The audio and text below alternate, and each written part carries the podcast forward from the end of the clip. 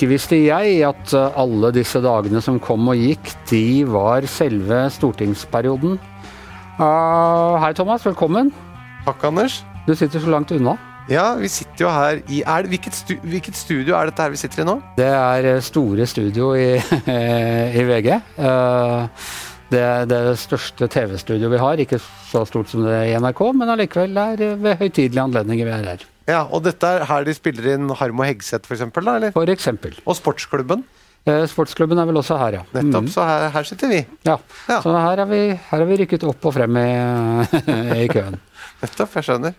Og Det er altså spesiell anledning eh, nå, fordi vi, dette er jo ikke en helt vanlig utgave av Gjæver og Gjertsen. Vi skal ha partilederdebatt med, med Støre og Solberg. Skal vi kalle det partilederdebatt, eller skal vi kalle det partiledersamtale? Eh, vi kaller det samtale. Det er, jo, det er jo det som er greia vår, er det ikke det? Å få folk til å senke skuldrene og prate på en litt mer avslappet måte og komme bak alle klisjeene og overskriftene.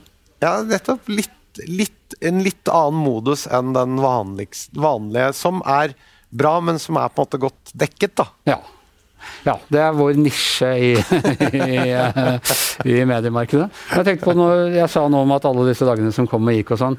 Eh, nå har altså Erna Solberg vært statsminister i nett, nesten åtte år.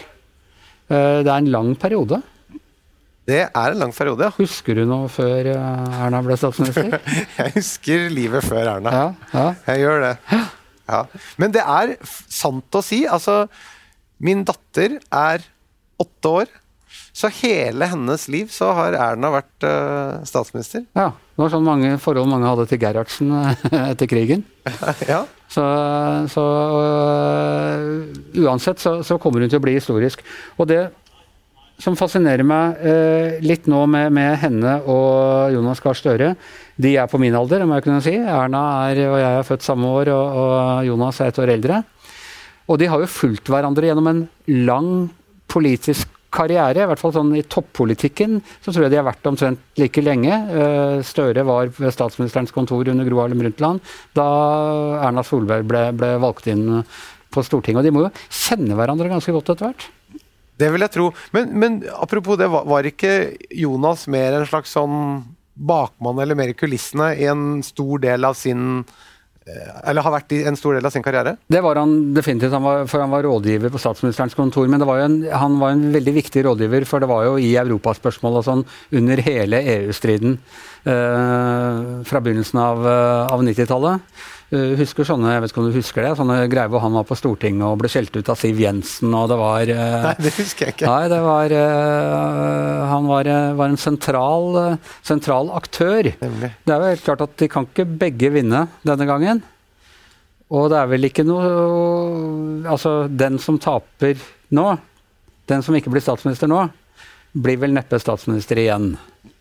Nei, altså med mindre ikke man lar seg inspirere av uh, amerikansk politikk, da. Altså Biden. Det er klart. det er klart. Da kan de da er det ta, ikke noe problem. Nei, da har de 20 gode år utafor politikken, og så kan de, gjøre, uh, kan de gjøre comeback. Det er først nå det begynner, Anders.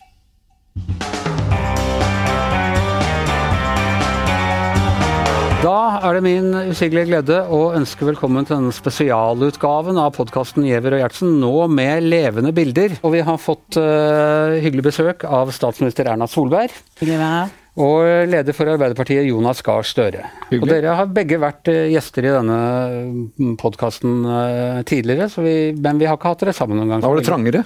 Hva? Da var det trangere. ja. Veldig mye trangere, og det var jo litt bedre Det var ikke så alvorlige smitteforholdene på den tiden. Vi snakket om rett før dere kom inn. Altså, dere er på min alder. Øh, født tidlig på 60-tallet. Uh, Erna Solberg, du ledet Operasjon Dagsverk i 1978. Var du aktiv? 79, faktisk. 79 var det, ja. 79. Var da, du aktiv? Uh, jeg var ikke aktiv, men jeg husker vi stemte mot Unge Høyres forslag den gangen uh, på forsøksgym hvor jeg gikk. Ja, ja. men dere var på Jamaica, blant annet. Tre uker på Jamaica før, før det hele starta. Var, var, du aktiv på den tiden, Jonas? Kjenner dere hverandre fra den tiden? Nei. Nei. Jeg var elevrådsleder, men jeg var ikke politisk aktiv på den eh, tiden i noe, i noe parti. Men jeg var elevrådsleder både på ungdomsskolen og på videregående. Ja, har, du, har, ikke du vært i Unge Høyre engang? Nei. Aldri vært det. Nei. Så dere hadde ikke Når møtte dere hverandre første gang? Eh, altså jeg visste jo at, eh, at Jonas jobbet på statsministerens kontor når jeg, var, altså jeg ble stortingsrepresentant eller omtrent når du Nettopp. begynte på. Og, eh, men jeg husker, jeg, jeg husker første gangen jeg traff deg i en form for debatt eller samtale. Jeg vet ikke om du husker det, men det var på, på statsvitenskap i Oslo. De hadde innkalt eh, en embetsmann, en politiker og det var en tredjeperson som, eh, som da skulle fortelle hvorfor de folk skulle studere statsvitenskap. Og liksom hvor viktig det hadde vært for våre karrierer at vi hadde gjort det. Dette må ha vært i 92, 93 og 91 eller annet sånt tidspunkt. Jeg husker det, det var i 93, og jeg gikk med sånn beeper i beltet fordi at eh, kona mi var høygravid og skulle føde, men jeg var på den debatten. Det var riktig vi skulle forklare jeg tror, vi, jeg tror vi begge ga vel et litt uttrykk om at kanskje ikke statsvitenskap var det som gjorde en til politiker. Eh, Det var kanskje økonomi og sosiologi som jeg også har i fagkombinasjonen min. Men det var første gangen jeg egentlig møtte. Men det var jo en dannet samtale med embetsmannen Jonas Gahr Støre. Ble verre siden. Ja. Vi, har jo, vi var på et sånt eh, Fafo-arrangement med dere i fjor, og da gjorde vi, vi et poeng ut at det er ganske mye som forener dere òg. Det er en del ganske mye dere ikke er uenige om. Men sånn er det jo med Høyre og eh, Arbeiderpartiet. Jeg tror at fordi vi er to store partier med et helhetsblikk, så er det mange saker som er viktige for et lite land som Norge. Utenrikspolitikk, noen hovedlinjer. Eh, lange linjene som ikke altså, altså at vi i mindre grad er særinteressepartier. Det, det gjør jo at det vil tilsynelatende se ut som man er enig i mange ting. Og vi er enige i en del ting. Eh, rett og slett fordi at eh, det er mange ting man i norsk politikk bør være enige om, som et lite land. Det er jo heller ikke noe å skamme seg over. da. Jeg pleide å si etter min tid som utenriksminister at hvis du skal se hva, hvordan det går når alle vender seg mot hverandre, så er det ikke noe sted du sier at der vil jeg dra. Men, men jeg tror den første debatten jeg kan huske sånn ordentlig debatt i politikken med Erna Solberg, det var i valgkampen i 2009. Så var vi i Samfunnet i Trondheim. Jeg var utenriksminister, du var ø, opposisjonsleder og du var i debatt, men de arrangerte en debatt om utenrikspolitikk. Uh, og da husker jeg vi skulle sette opp uh, på listen over hva er de tre største, den største trusselen, utfordringen som vi står overfor i verden i dag.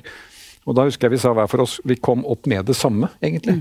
Og det var statssammenbrudd, husker jeg vi snakket om. Altså hvis, Du kan si mye om stater, men hvis de bryter helt sammen, som jo stater gjør, så, så blir det farlig. Og det var jo egentlig en forsmak på hva som var i ferd med å skje i Irak.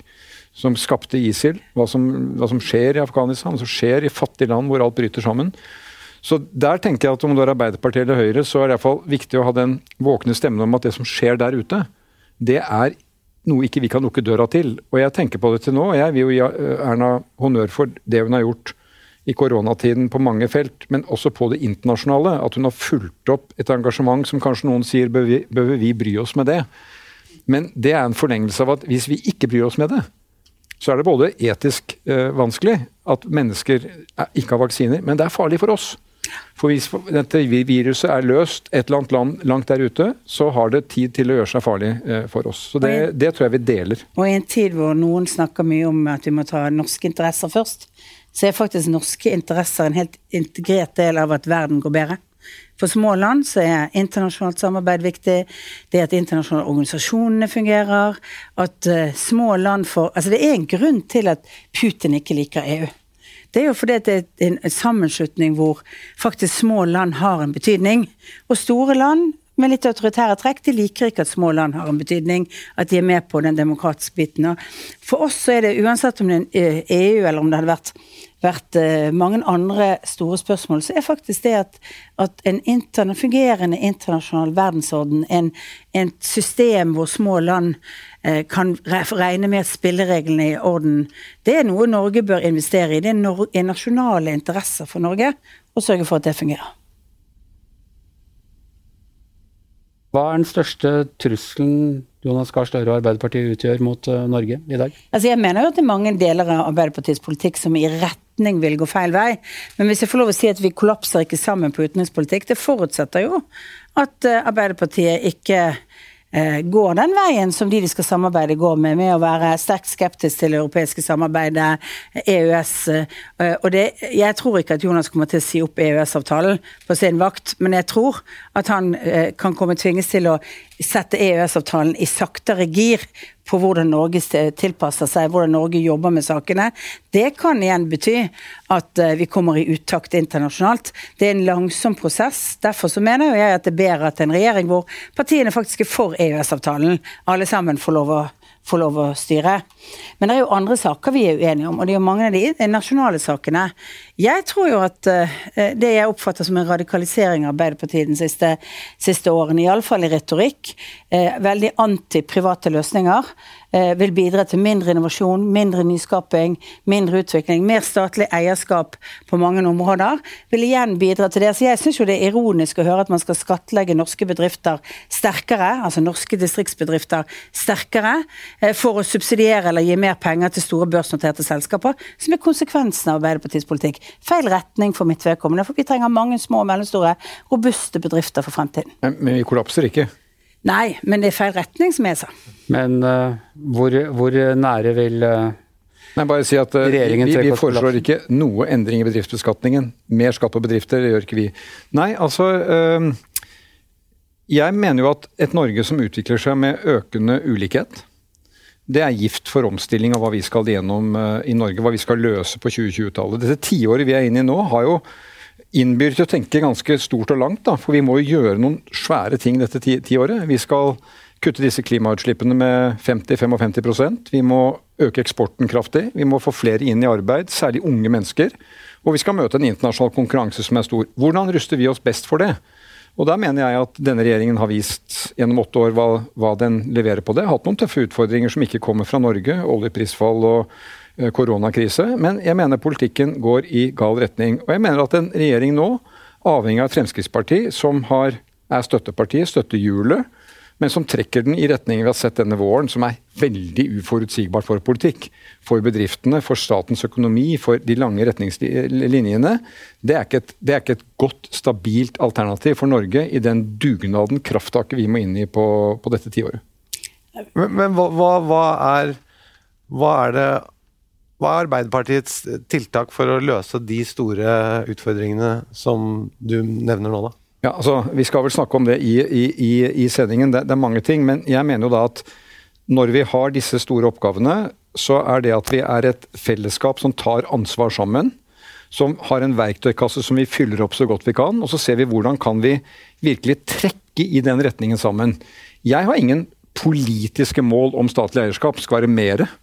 Men jeg har det pragmatiske synet at for å lykkes med å få klimautslippene ned, eksporten opp, få øh, et fagarbeiderløft, slik at vi har fagfolk i dette tiåret inn på 2030-tallet som kan løse oppgavene i alt fra helse og omsorg til verkstedsfag og bygg og anlegg, så må vi gjøre mer enn i dag.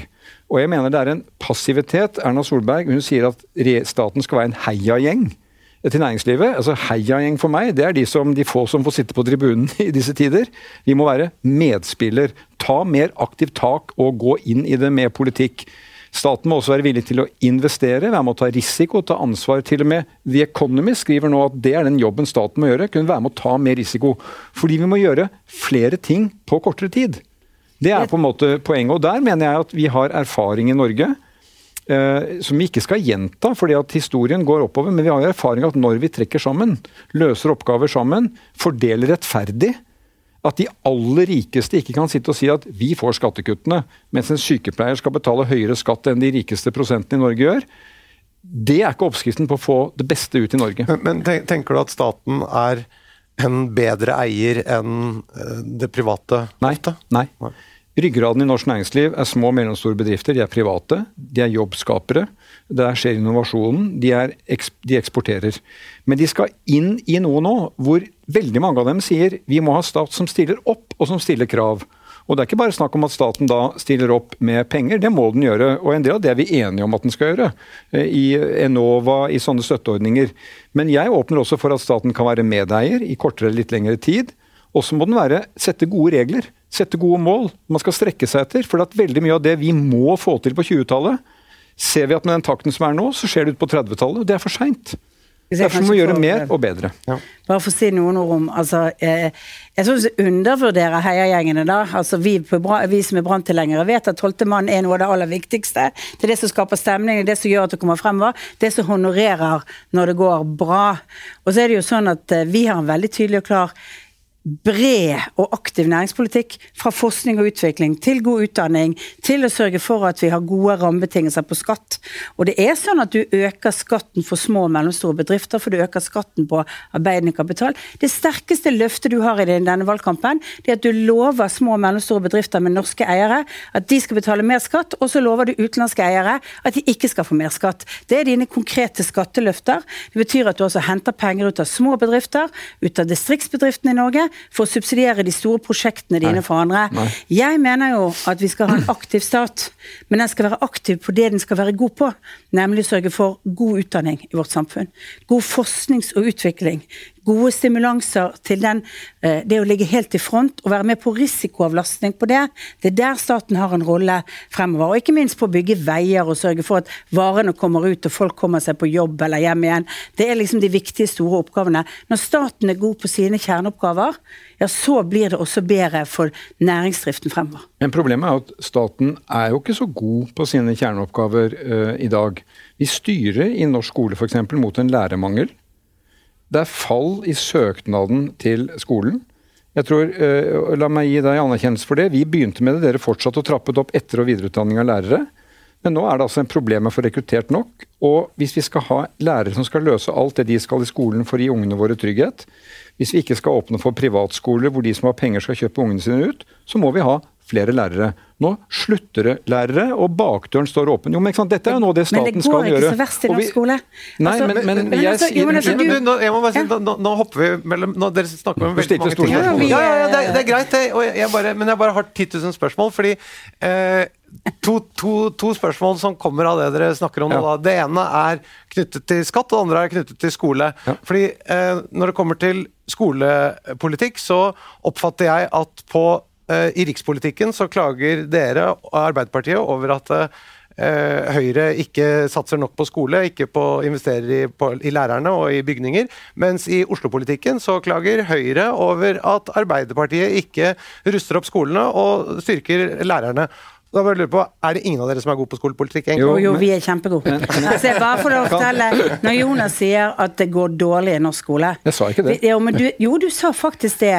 At det går dårlig i norsk skole. At det ikke er noen bra resultater. Vi har altså gått fra i 2013 at vi hadde gjennomføringsgrad i norsk videregående skole på ca. 70% litt over det. Nå har vi, vi gått opp nesten 7% på det. Det betyr altså at hvert eneste år så er det 4000 flere som går ut av videregående skole, enten med et fagbrev i hånden eller med en studiespesialiserende utdanning, som gjør at de kan gå videre. Kjempeviktig fordi dette er den viktigste investeringen vi gjør f.eks. mot sosial ulikhet. For det å få en jobb er mye lettere hvis du har et fagbrev, hvis du har tatt videregående utdanning. Det å holde seg i arbeidsmarkedet vet vi er mye viktigere. Det er en av de viktigste sosiale investeringene. Og det er fordi vi har systematisk jobbet med å sørge for at videregående skole skal ha bedre gjennomføring. Og nå leverte vi altså i vår den største gjennomføringsreformen som har vært. Nå har du altså rett til å bli ferdig med videregående, uansett hvor lang tid det tar. Det er altså sånn at alle skal ha en mulighet til å holde på, så lenge som at de klarer å komme igjennom. Så norsk skole går veldig bra, unntatt i Oslo? Nei, Det som har skjedd i Oslo, er at skoleresultatene er blitt dårligere. Og det sier også lærere som jobber i skolen, er at de opplever mindre trykk. Eh, de, de, har oppløst omtrent den avdelingen som skulle jobbe med skoleutvikling, for det var konflikt mellom skolebyråden og, eh, og de som ledet den, tilfeldigvis noen som var bakgrunn i Arbeiderpartiet. Men likevel, de har altså det trykket som var i Oslo-skolen under Høyres ledelse, det har forsvunnet for veldig mange dette, lærere. Disse tallene står det veldig stor strid om. Det er bra at gjennomføringen øker, og særlig på yrkesfag. Fortsatt er frafallet veldig høyt. Eh, et av de områdene hvor vi sier vi tror vi må gjøre noe, fordi vi må virkelig gjøre et yrkesfagløft. fordi at nå sier Statistisk sentralbyrå at ut på 2030-tallet, det er ikke lenge til, vil vi mange, mangle helsepersonell, bygg og anlegg, verksted, altså mange av disse yrkesfagene. Og Det kan vi ikke begynne å gjøre noe med i 2029, vi må begynne med det nå. Og Det er derfor vi bl.a. sier at vi vil ha en læreplassgaranti slik at lære, du, Når du har tatt to år på yrkesfag, så får du to år ute i bedrift. Der foreslo regjeringen at nei, du kunne ta den læreplassen din på skolen. Det sa Stortinget fordi Frp var ikke med på det. De sa nei til det. Nå blir det gjennomført skritt for skritt ute i en del fylker hvor vi styrer. Nordland kommer det, i Oslo kommer det, i Rogaland kommer det. Det er en vei å gå. Mitt poeng er det at eh, utviklingen går ikke i riktig retning. For det vi vil i skolen, med tidlig innsats, lese, skrive, regne, ta tak i unger som ikke kan det tidlig. Uh, sørge for at vi får oppfølging av elever som har så mye sosialt med seg at læreren ikke kan gjøre alt det. Det krever flere lærere, og nå er det en veldig urovekkende utvikling. Og et bedre lag rundt læreren. Det koker ned til kommuneøkonomi. Og kommuneøkonomi er det vi bevilger på Stortinget når vi ikke prioriterer de store skattekuttene Erna Solberg får. Jeg vil gjerne komme tilbake igjen til det med skatt, men det kommer du sikkert til, tilbake til etterpå, Thomas. Mm. Men, det, men det, er, det, er, skolen inn på 20-tallet. Hvor skal vi? Hvordan kan vi stille opp for ungene våre der? Hvordan er de lærerne? Nå er det flere lærere i skolen. Det skyldes en lærernorm som Erna Solberg kalte den største elefanten hun måtte svelge. Så hun har ikke satset på de flere lærerne. Det var en kamel. Jeg tror aldri jeg har forsøkt meg på å svelge en elefant. Nei, men hvis du børster den nedover, så går det, går det greit. Men altså bare for å si det går bedre på mange områder. En av de tingene vi gjør, er jo nettopp at vi har hatt et yrkesfagløft. Vi har nå, vi, når vi kom inn, så var det 15 000 som tok høyere yrkesfagutdanning, altså fagutdanning på høyere nivå i Norge. Nå er det 23 000 studieplasser på det. En enormt løft for å løfte statusen til yrkesfagene. Det er langt flere som gjennomfører, det er langt flere som får en lærlingeplass enn det det var tidligere. Og, og, når det gjelder tidlig innsats, så er det jo sånn at vi leverte en stortingsmelding om dette helt i begynnelsen av denne perioden. Og det vi bl.a. sa, var at vi skal flytte disse ressursene for spesialundervisning ned igjen i skolen. Jeg var på Smestad skole, ikke i Oslo, men i Rælingen eh, i forrige uke. Og der møtte jeg nettopp de som kom fra PPT-tjenesten, og nå var én dag i uken på skolen og fulgte dette, for å sørge for at de barna som går i første og andre klasse, får tett oppfølging hvis de sitter med litt læreutfordringer. At lærerne får støtte og hjelp med en gang. Så vi har allerede snudd mye av den spiral, altså pyramiden, sånn at vi sørger for at flere får eh, hjelp på et tidlig tidspunkt, som gjør at de kan bygge videre. Det høres ut som Jonas ikke har fulgt med i skolen de siste åtte årene, for det har gjort, gjort kjempemye på disse områdene ja, ja. i den senere, ja, eh, i løpet av denne perioden. Ja, men, men, men, ikke sant? Jeg, jeg besøkte en skole i Tromsø i forrige uke, og det er fint. Nå kan vi begynne å reise igjen og besøke der skolene. Men det som jeg har sagt det før, som også uroer meg, det er at spesialundervisning viktig. 50% av de som gir spesialundervisning, er ikke kvalifiserte lærere for den jobben. Altså Det er et uttrykk for der hvor vi virkelig skulle hatt de som var helt skarpe på å gi spesialundervisning. Det er det ufaglærte. Det er ikke folk som nødvendigvis gjør en dårlig jobb, men det viser noe om den mangelen vi har. Og jeg bare sier, når vi, når, når, når, Men når vi skuer inn over i det 20-tallet så går det mot en lærermangel som jeg mener er alvorlig. Det må det tas tak i, og det er et av de løftene vi gir. Nå viser SSB faktisk at det ikke blir lærermangel, og så skal ikke jeg prosedere på at det nødvendigvis blir sånn, men det viser faktisk at vi både etter- og videreutdanner mange lærere. Det viser at det ikke er for det ikke er så store barnekull. Og så er det viktig å si det er altså sånn at de viktigste, mest kvalifiserte personene på spesialpedagogikk, de har vi gjemt vekk tidligere på kontorer som skriver diagnose på barn. Nå flytter vi de inn i klasserommene, tilbake på skolene. Vi bygger bygger ned statens systemer for dette, for å flytte det ut i skolene. Dette er en reform som pågår. Det høres ut som Jonas ikke har fulgt med på hva som foregår, men vi skal gå enda videre. og Derfor har vi sagt at det det punktet vi ser nå som er det vanskeligste, det er ungdomsskolen. Fordi ungdomsskolen, mange elever mister motivasjonen. Derfor har vi for neste fireårsperiode annonsert en ungdomsskolereform som bl.a. skal sørge for at man ikke bare får de teoretiske valgfagene som de rød-grønne innførte, men at man faktisk kan få praktiske valgfag hvor man øver og ser hvordan yrkesfag er, sånn at vi kanskje kan motivere enda flere til å ta yrkesfagutdanning. Kan ikke jeg spørre om en ting fordi, som jeg lurer på, som jeg har sett har vært adressert som et problem, og dette er jo den systematikken i at en del gutter ser ut til å falle ut uh, av skolesystemet, og at det er, på en måte mer tilpasset for jenter. Det er ingen av dere som har nevnt det problemet her i dag, men er det, har dere noen tanker om det, eller? Altså, jeg mener det er en, en, en, veldig stor utfordring. Jeg har hatt tre av dem. De har klart seg gjennom skolesystemet. Jeg har jo sett det på nært hold. At det er ulikheter i forhold til konsentrasjon, modenhet. Stoltenberg-utvalget, Camilla Stoltenberg, før hun måtte begynne med å jobbe med korona, utredet jo dette. Og pekte på en del av disse funnene som er veldig viktige å ta alvorlig. Og Da er jo dette med en mer praktisk skole. Jeg ser Erna snakke om det for, for, for, neste periode. Jeg mener vi skulle ta tak i det i de årene som er gått nå, som veldig viktig. Vi har dokumentasjonen for det. Gjøre undervisningen mer praktisk i de fagene som du må få med deg. Når jeg besøker skoler nå, så får du noen sånne utrolig lysende eksempler med lærere som tar med elevene ut og skal vise dem matte. og Istedenfor å sitte bak en pult, så viser de det ute i naturen med oppmålinger og hvordan eh, holder du pennen opp sånn og måler mot treet, og treet faller, så kan du lære geometri. Du kan lære uh, gloser, du kan lære, du kan lære, de praktiske fagene der ute. Det tror jeg vi må gjøre mer av for guttas skyld. Også jentene, men det er en modenhetsutfordring her som vi må ta også i forhold til når du skal over fra ungdomsskole til videregående, om du kanskje må ta noe pause for å kunne gå videre på det, på det sporet. Så Hvis jeg forstår det riktig, så er det uavhengig av hva som har skjedd, så har begge en plan for det? Begge er enige om at det skal, det skal det jobbes viktig, med? Og så er det viktig å gjøre ungdomsskolen bedre. Det er derfor vi har sagt til neste periode. Det er jo fordi vi har nå jobbet med tidlig innsats med lærerne. Vi har en helt full fagfornyelse. I norske skoler nå så rulles det ut nye fagplaner på alle fag. Masse av det som Jonas snakker om nå, rulles ut i klasserommene for øyeblikket.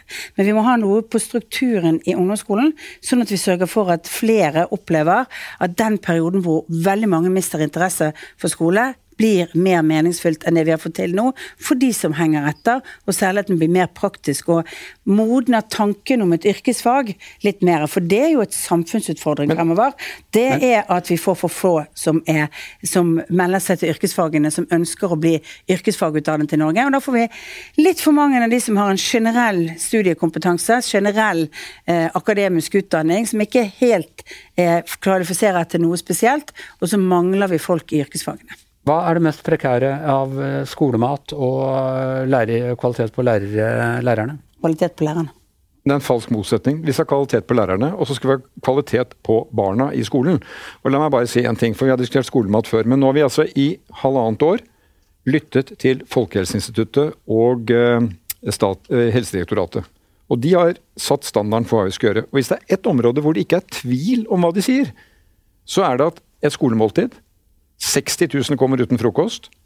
Alle de som ikke har matpakke. Det vil lære bedre, og det vil være veldig viktig mot sosiale forskjeller. Det Så det, og det er ikke en motsetningsforhold til at du har gode lærere. Tvert imot, det gir jo gode lærere bedre klasser å jobbe med. Og jeg syns faktisk det at en av de tingene vi snakker for lite om når det gjelder skole, for vi, vi har mange diskusjoner fra Stortinget om hva vi vil og ikke vil, det er jo å lytte til lærerne. Altså en, en tillitsreform som vi ønsker, hvor det blir mindre stress om alt de skal gjennomføre av mål vi bestemmer. Vi skal ha PISA og tester, nasjonale tester, men de blir jo nesten testa i hjel. Trodde du sa pizza. Nei, de men, Nei, jeg sa ikke det, men, men de blir nesten testa i hjel, og de føler at det er direktiver alle veier. Hva er det å være i en skolehverdag? Jeg sto med en lærer i Tromsø i forrige uke som fortalte hun har vært lærer i to år, og sa at det var nesten et sjokk å komme fra lærerutdanningen ut i praksis. Fordi praksis er så lite til stede i den utdanningen til å skjønne hva det ville si å være lærer. Og jeg tenkte at det er jo hun jeg må høre på for å vite hva skal vi gjøre både på økonomi og retningslinjer for at hun kan være den fantastiske ressurspersonen som hun var for sine elever. Men det viktigste i det valget mellom eh, en matpakken eller skolemåltidet, for det er, det, det er ikke mat vi velger mellom, det er matpakken smurt hjemme og eh, mat levert på Men skolen. 60 000 har vi ikke her nå. Det, det er å sørge for at vi gjør det som er viktigst først. Og det er å ha godt kvalifiserte lærere. Lærere som har ressurser nok til å kunne drive i sin skolehverdag. Så må vi som foreldre sørge for at det er mat med. Og Det syns jeg er en arbeidsdeling som er grei i det norske samfunnet. Så lenge vi ikke har løst alle utfordringene knyttet til utstyr, kompetanse og sørge for at skolen fungerer godt nok, så må det som foreldre lettest kan gjøre, det er nemlig å smøre en matpakke. Det som ikke er lett, det er å putte en, en mattelærer ned i den ryggsekken. Og jeg er mer opptatt av å få kvalifiserte mattelærere enn nødvendigvis at vi skal prioritere å bruke pengene våre på mat som foreldre faktisk kan smøre. Men, men Erna, du forandrer jo ikke samfunnet hvis du sørger for at det er et skolemåltid. Men du Og, jo, men, og hvis du vil ha barna i barnehaven og minoritetsbarn, så bør du gjøre noe på den kontantstøtten som du er med å opprettholde hvert eneste år. Selv om partiet ditt nå er imot, så er du jo med å opprettholde det hvert eneste år. Vi gjør, no, vi gjør noe med det. Vi sørger for at vi oppsøker innvandrere. Ja, den gjorde det. Jeg er helt Ja. enig, men altså, nå må vi liksom ta et krafttak for det, for flere og flere å se betydning av det. Men altså, mitt poeng er at de sosiale forskjellene i vårt land, de øker.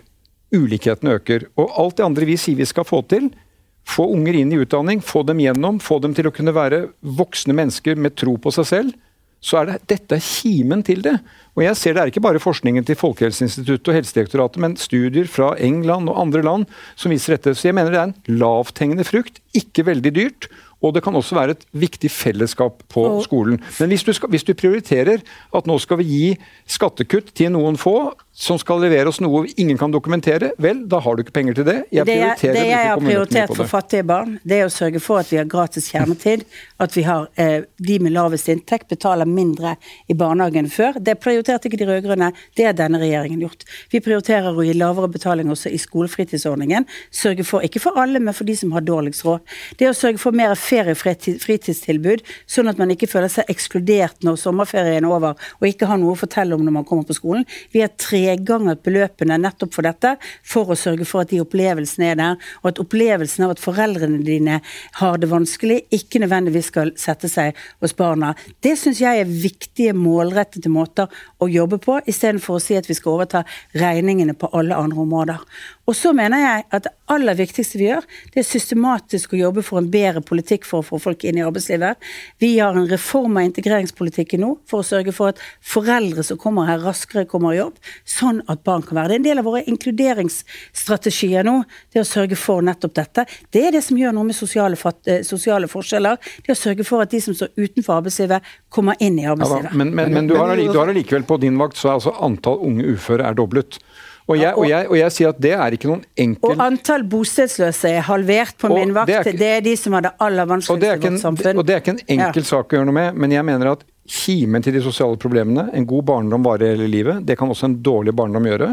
Og her er det en lavthengende frukt. Forskerne sier gjør det, det er billig, du får igjen for det. Og da mener jeg vi bør følge det. Men jeg, jeg, bare, jeg skjønner ikke det. for at, uh, altså, Før det var jo aldri noe problem. Folk alle spurte matpakka si hva er det som har skjedd da?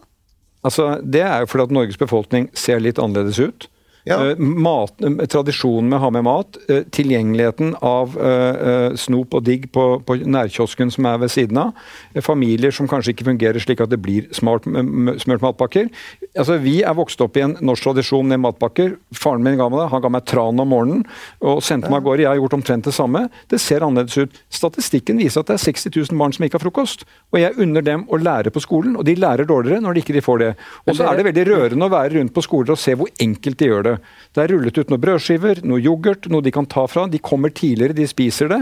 Det er, det er små beløp som får det til, og, og det styrker vi, fellesskapet på skolen. Og Vi er absolutt ikke imot at dette løses på den enkelte skole, men å lage en nasjonal reform av det, hvor vi istedenfor å bruke penger på å sørge for at vi kvalifiserer flere lærere, sørger for at vi har flere med spesialundervisning i klasserommene, at vi sørger for at vi kan gi noen av de fritidstilbudene, altså enda flere barn fritidstilbud av den typen. Men det er, mot, det er motsetninger som jo, ikke det er Dette ikke er penger i statsbudsjettet statsbudsjettet hvor du velger å, å, bruke dette fremfor, og du vil ikke ha råd til å gjøre det andre, for det at du sørget ikke for at barnehageprisen gikk ned for de med lavest inntekter.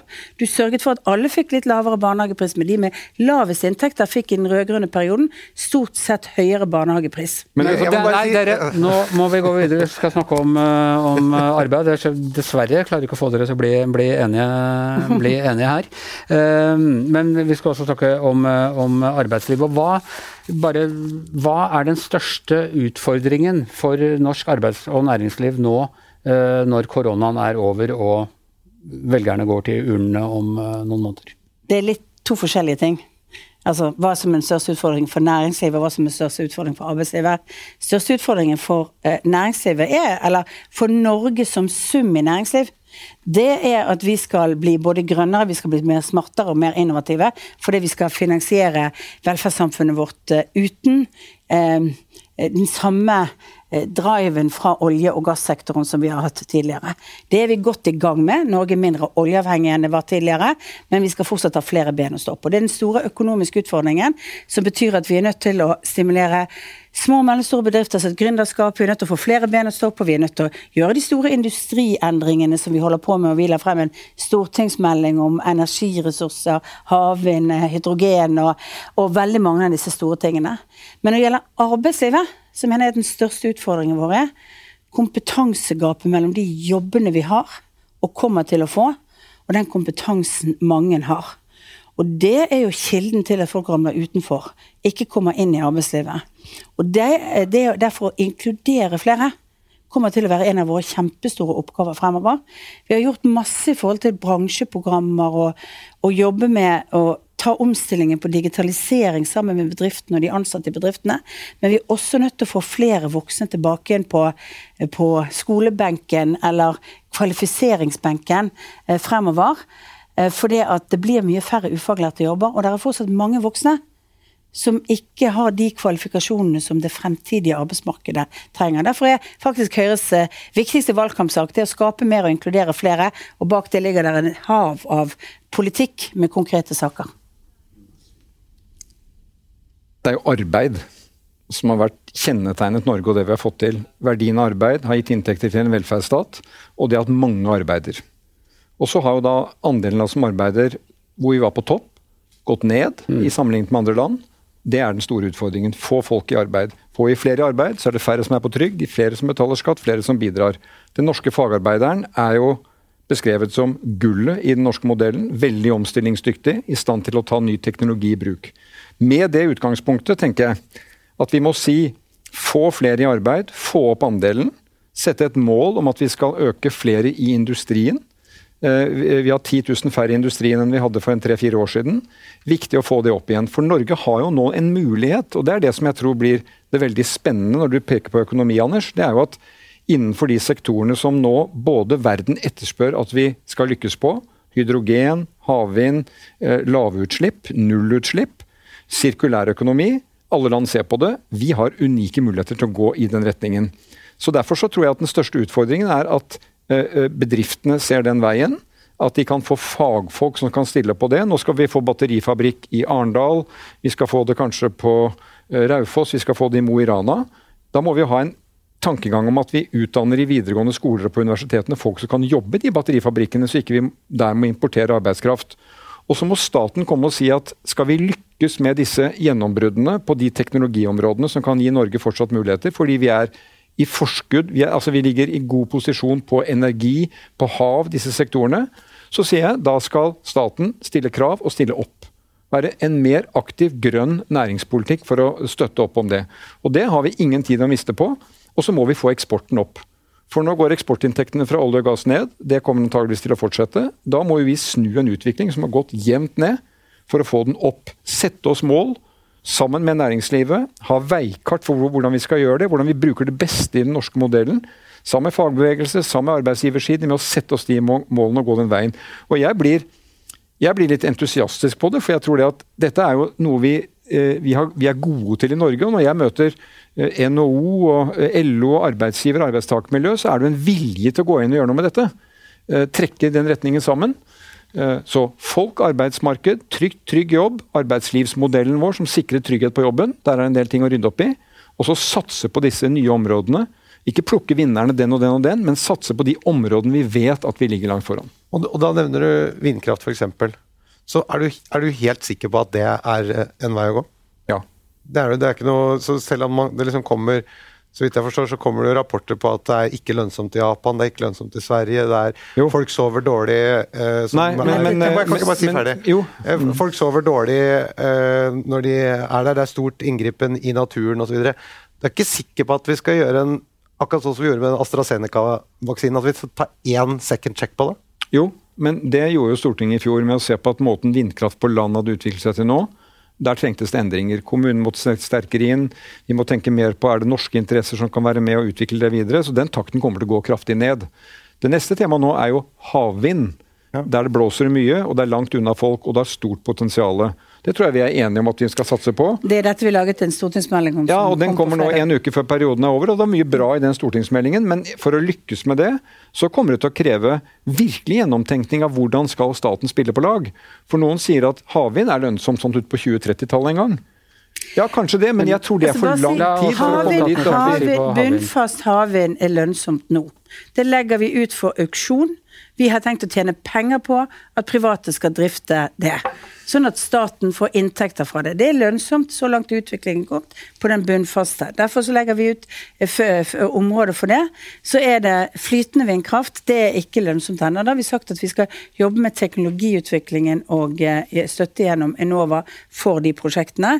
Men det er sånn at vi kan ikke satse på én hest, vi må satse på ganske mye ting fremover. For det er ikke sikkert vi blir verdensmestere selv om vi tror at vi blir det på det området. Men hydrogen veien, som vi har et eget veikart på, som vi nå skal jobbe med utviklingen av. Det er det som kan bli det nye store drivstoffet, ikke minst for, for altså energibæreren for, for, eh, hele den maritime sektoren internasjonalt i fremtiden. Og der kan Norge være fordi vi har naturressursene. Men så er jeg veldig opptatt av at vi må gjøre mer enn det. For 70% av Norges sysselsetting er knyttet til tjenesteproduksjon. Veldig mye av fremtidens næringer kommer til å være i andre systemer enn akkurat de industriområdene. Og det er der jeg mener at jeg hører et Arbeiderparti som bare snakker om de store selskapene. Så skal de skatte de små, mellomstore de som har norske eiere, med å sørge for at de skal betale mer penger, trekke ut ressurser av de bedriftene for å betale skatten for å gi til disse store industriprosjektene. Jeg mener jo at det er ekstremt viktig at vi bruker det offentlige også til å få frem noen flere ben å stå på. Og når jeg snakket på søndag til sentralstyret, så snakket jeg om Tomra. Det var ingen som fant på at Tomra skulle bli en verdenssuksess. Det var ingen politikere som vedtok det. Det er utenfor det vi hadde naturlige, naturgitte forutsetninger for. Men det er blitt et kjempefirma som har milliardeksport bort. Sant? Og det er sånn at vi kan ha flere av de, hvis vi sørger for at vi ikke bare tror at vi som politikere skal styre utviklingen, men har noen brede, gode rammebetingelser. Og så er det de beste hodene og de beste kreftene som er med på å dra nye næringer i Norge. Da, vet du hva, eh, Jeg beklager, tiden går så veldig fort når man har det moro. Eh, og dere har eh, begrenset med tid. Vi kan egentlig sitte her sitte her hele natta. Du tenker på Tyskland-Frankrike, du nå? jeg er ikke opptatt av fotball. Jeg, altså, jeg tenker på skatt, jeg. Det har vi ikke snakket om ennå. Får vi ikke lov til det? Vi har, vi har, ikke tid hvis vi skal overholde strenge Statsministeren har andre ting å gjøre også. Eh, men eh, vi må ta med altså Det er en elefant i rommet vi ikke har snakket om her, og den elefanten heter Vedum. Var det ikke kamelen? Var det mange uh, ja, det har vært elefant Du har vel ikke tenkt å spise vedum? jo, hvis man børster han medhårs. og det er det du det er det tar mål av deg til å gjøre på, på tre måneder. Vi har fått en statsministermåling her som for så vidt ikke sier så veldig mye annet enn har sagt nå eh, de siste månedene, men som har forandret seg mye det siste halve året. Den, eh, hvem vil du foretrekke som statsminister etter stortingsvalget i 2012? Da er det 32% som sier Jonas Gahr Støre. 2021 går ut fra 2012. Ja, unnskyld, 2021. Ja, det er jeg som stokka her. Han stokka de tallene. Ja, ja. Thomas og jeg har snakket om det der med å vokse bakover i tid. Det må være det det, det går på. Men, eh, men 37 eh, som vil ha Erna Solberg, og 19% som vil ha eh, Trygve Slagsvold Vedum. Har dere noen kommentar til denne målingen? Jeg syns jo alltid det er hyggelig med gode målinger på det. Eh, tatt i betraktning av at eh, meningsmålingene nå eh, gjør at rød-grønt samarbeid ligger et hakk foran, så syns jeg det er hyggelig å se sånne målinger som dette. Utover det så er det jo standardsvaret for alle politikere fremover er jo at det finnes bare én meningsmåling som er viktig, og det er den som forekommer 13.9. Og Jonas? Nei, altså La meg begynne med å være litt traust. Altså, jeg skjønner at Erna Solberg får bra tall. Altså, hun har vært statsminister i åtte år. Hun har stått gjennom en krise nå. og Det er jo en person som folk, folk har tillit til. Det anerkjenner jeg. Jeg har gått opp på disse målingene i det siste fordi Arbeiderpartiet har gått opp. Det henger jo sammen. Det tror jeg Erna Solberg også har sagt, at det henger jo litt sammen med hvordan partiene er. Og så er det jo tre her, da. Så vi kan jo på én måte kanskje legge sammen Trygve og meg. Så ser du litt om hvordan politikken ser ut i, i, i styrkeforholdet. Men uh, Kan du garantere at du blir statsminister hvis uh rød-grønn side vil? Det er det jeg går til valg på, og Arbeiderpartiet har til hensikt å lede en, en, en sånn regjering. Det kommer du til å høre også fra meg helt fram til valget. Og litt forstyrrende at han lanserte seg som Nei, men jeg, jeg, jeg, er litt mer undrende om at han ikke gjorde det før. fordi at, at Senterpartiet har en leder som har, er lederkandidaten, det tror jeg også eh, Siv Jensen og Erna Solberg var vel begge statsministerkandidater på den fronten. Og jeg tror Kristin Halvorsen i 2005 også var SVs statsministerkandidat. Men øh, mens eh, Trygve nå snakker om dette, da, så bruker jeg det som jeg har vært opptatt av hele veien. Vi må snakke om sakene. Men, men hva, hva, hva, altså, er, For meg fremstår det som en veldig sånn forskjell på en regjering med det, Arbeiderpartiet og Senterpartiet, og en regjering med Senterpartiet, Arbeiderpartiet og SV. Altså, vet jeg helt hva jeg stemmer på der? Altså, Vi styrte i åtte år, da, så du kan jo se litt tilbake. Jo, den, den, det, ja, det, er alle. Jeg skal fullføre ja, svaret. Ja. Uh, uh, og Det er riktig at det er forskjell på det. altså En av grunnene til at jeg tror det er et veldig godt alternativ, er at vi har, ligger an til å kunne få flertall. Og Jeg tror det er viktig å ha flertallsregjering for å få gjennomført ting. Og så tror jeg når det gjelder disse store spørsmålene, et Norge med små forskjeller, et Norge som tar hele Norge i bruk etter at vi har åtte år hvor folk har opplevd privatisering og sentralisering. Økte forskjeller mellom folk og mellom by og land. At de slår ring om den felles velferden. At vi har ansvar for sykehus, eldreomsorg, barnehager sammen. Og ikke slipper det løs, det fellesansvaret. På disse områdene så har vi jo veldig lik tilnærming. Og Går du til Stortinget og ser hvordan vi nærmer oss det, skriver oss sammen om ting, så er det likt. Vi har vist at vi kan regjere sammen før. Nå driver partiene valgkamp og viser fram sin politikk. Og så sier vi hva vårt, vårt regjeringsalternativ er. Var du letta da Vedum lanserte seg som statsministerkandidat? Nei, eh, det er jeg ikke. Jeg, jeg tenker at eh, det, det får venstresiden eh, finne ut av selv. Og så må jeg du regner si at, Vedum som venstresiden? Ja, altså jeg mener at dette er et venstresidealternativ. Og jeg mener at, at, man har gått til venstre både fra Arbeiderpartiet og andre partier nå i retorikken sin. Og så er det sånn å late Du har gått et stykke retorikken din, du, du bruker våre ord så ofte. Det er hyggelig. Så, men... Å late som om det er det samme for en høyrevelger som har snust litt på Senterpartiet i det siste, om SV sitter i regjering eller ikke. Da tror jeg vi skal snakke om hvordan det var med lokal forvalter av ressurser eh, rundt omkring i Distrikts-Norge under den rød-grønne regjeringen kontra vår. Vi har tross alt gitt eh, kommunene medhold i to av tre saker, mens dere overprøvde de i, eh, i to av tre saker. Så det er mange sånne saker som det er ganske viktig for velgerne å få et klart svar om. Og grunnen til at Senterpartiet ikke sier så mye om det, er jo selvfølgelig fordi de vet at de har velgere som absolutt ikke ønsker en politikk som går så langt til venstre som en regjering med, med SV med støtte fra Rødt kommer til å gå. Og det er eh, noe av poenget her. Han stjeler altså fra, fra dere begge. og kunne kanskje ha vært på din side også, av streken? Eh, han har valgt veldig tydelig, og Senterpartiet valgte i 1990 å eh, bevege seg til venstre i norsk politikk. Det er opp til de å bestemme seg for hvor de skal, men de må være ærlige overfor sine velgere at et rød-grønt samarbeid det betyr eh, eh, mindre lokalt selvstyre. Det kommer til å bety mer overprøving. og Det betyr eh, skattlegging av små og mellomstore bedrifter, for det har jo Jonas lovet så sterkt. Men, men, men, altså, men unnskyld meg, altså, vi er i en VG som sprer sannhet. Vi endrer ikke skatt på bedrifter, la meg bare slå fast det en gang.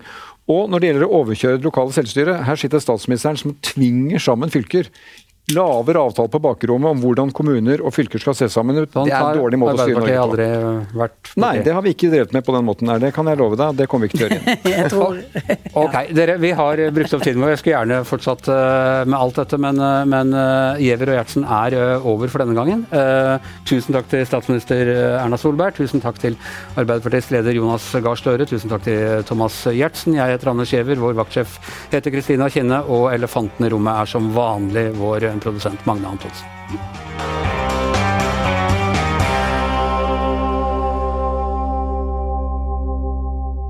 Du har hørt en podkast fra VG.